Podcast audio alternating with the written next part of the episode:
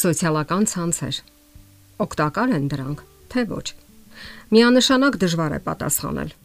Գոյություն ունեն հակասական եւ ամենատարբեր մոտեցումներ։ Այդպիսի հակասություններ գոյություն ունեն նաև իրական փոխհարաբերությունների մեջ։ Դրանք պարզապես արտացոլում են մեր վախերը, ցանկություններն ու պահանջմունքները։ Սոցիալական ցանցերի օգտակարությունը ամենից առաջ կախված է այն օգտագործելու հմտությունից եւ անznավորության ներքին դրթումներից եւ միշտ էլ կարելի է գտնել դեմ եւ կողմ ապացույցներ։ Մեդիա կոմունիկացիաների հոգեբանության մասնագետ Պամելա Ռուտեջը գրում է. Facebook-ը մեզ սոցիալական ընդունման եւ ճանաչման զգացում է տալիս։ Դա տեղի ունենում հոգեբանական շոյանքների շնորհիվ, որ ստանում ենք մենք ուրիշներից։ Երբ դուք ճանապարհ եք տալիս որևէ հետիոտնի եւ նա գլխով շնորհակալական շարժում է անում, դա նման է սոցիալական ցանցում ձեր դրած գրությանը լայք դնելուն։ Դրանք նույն երևույթներն են։ Մեկ այլ հոգեբան, Սյուզան Նյումանը ավելացնում է. Մենք նոր ենք միայն սկսում գիտակցել, թե ինչպես են այդ լայքերն ու կիսումները, սրտիկները եւ այլն ազդում մեր հոգեբանության վրա։ Ցանկացած նոր եւ չուսումնասիրված երևույթ հենց այդ պատճառով էլ վանում է մեզ, որ դեռևս չեն մշակվել կանոններ եւ ավանդույթներ, չկան հստակ սահմաններ։ Կարելի է եւ չի կարելիների միջև եւ դրանք կարելի է սահմանել միայն սեփական փորձառության ուղիով։ Մի ժամանակ ընդունված էր այս արտահայտությունը։ Նրանք նստած են սոցիալական ցանցերում։ Այսօր այլ արտահայտություն է կիրառության մեջ։ Նրանք ապրում են սոցիալական ցանցերում։ Անկասկած է, որ շատերը հսկայական ժամանակ են անցկացնում այնտեղ, սակայն շատ ավելի կարևոր է, թե ինչով են նրանք զբաղված այնտեղ եւ ինչ արդյունքներ են ստանում դրանից։ Շատերն իհարկե մտածում են, որ այնտեղ անցկացրած օրինակի համար 5 ժամը կարելի էր այլ կերպ օգտագործել։ Կարելի էր գնալ զբոսանքի, ֆիլմ դիտել, գիրք կարդալ, սպորտով զբաղվել, ընկերների հետ շփվել իրական կյանքում եւ այլն։ Բավական է նայել անգամ հասարակական տրանսպորտում սմարթֆոնների մեջ խորասուզված երիտասարդներին եւ նույնիսկ տարեցներին ու պատկերը པարս կլինի։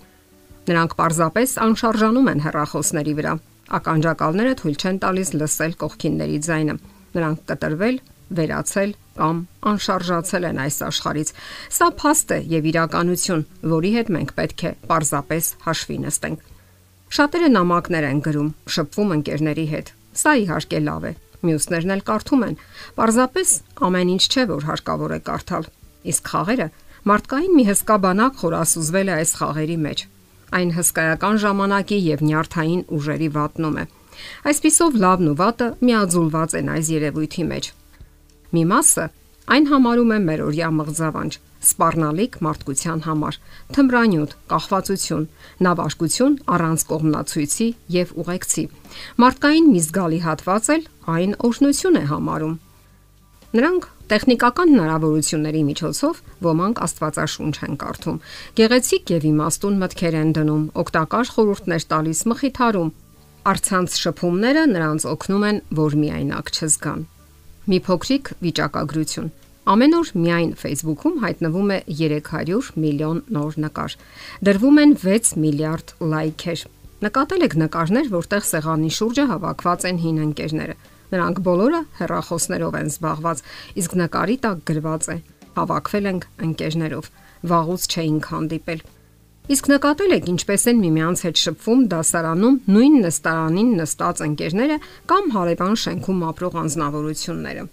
Ուշագրավ հակասականություն կարելի է նկատել սոցիալական ցանցերի հետ կապված։ Դրանք խլում են շփումը, սակայն նաև շփումներ են ապարգևում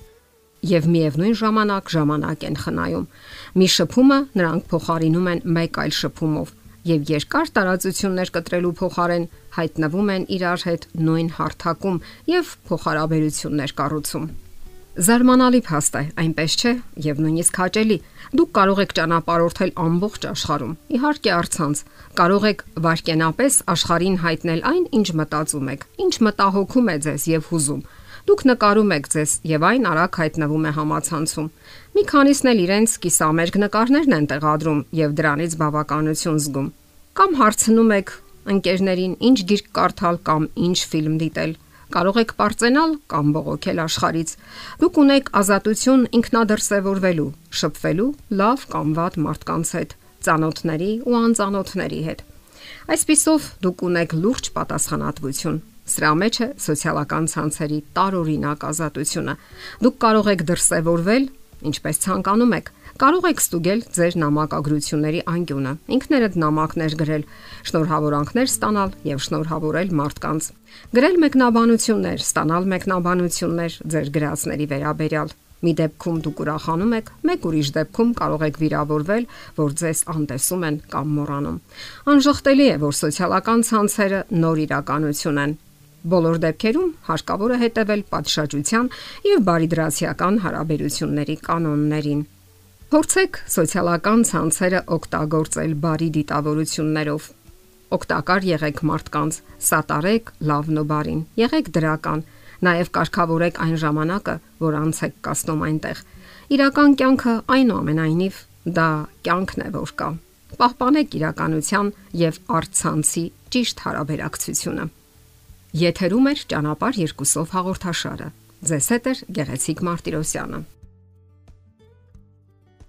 Հարցերի եւ առաջարկությունների դեպքում զանգահարեք 094 08 2093 հեռախոսահամարով։ Հետևեք մեզ hopmedia.am հասցեով։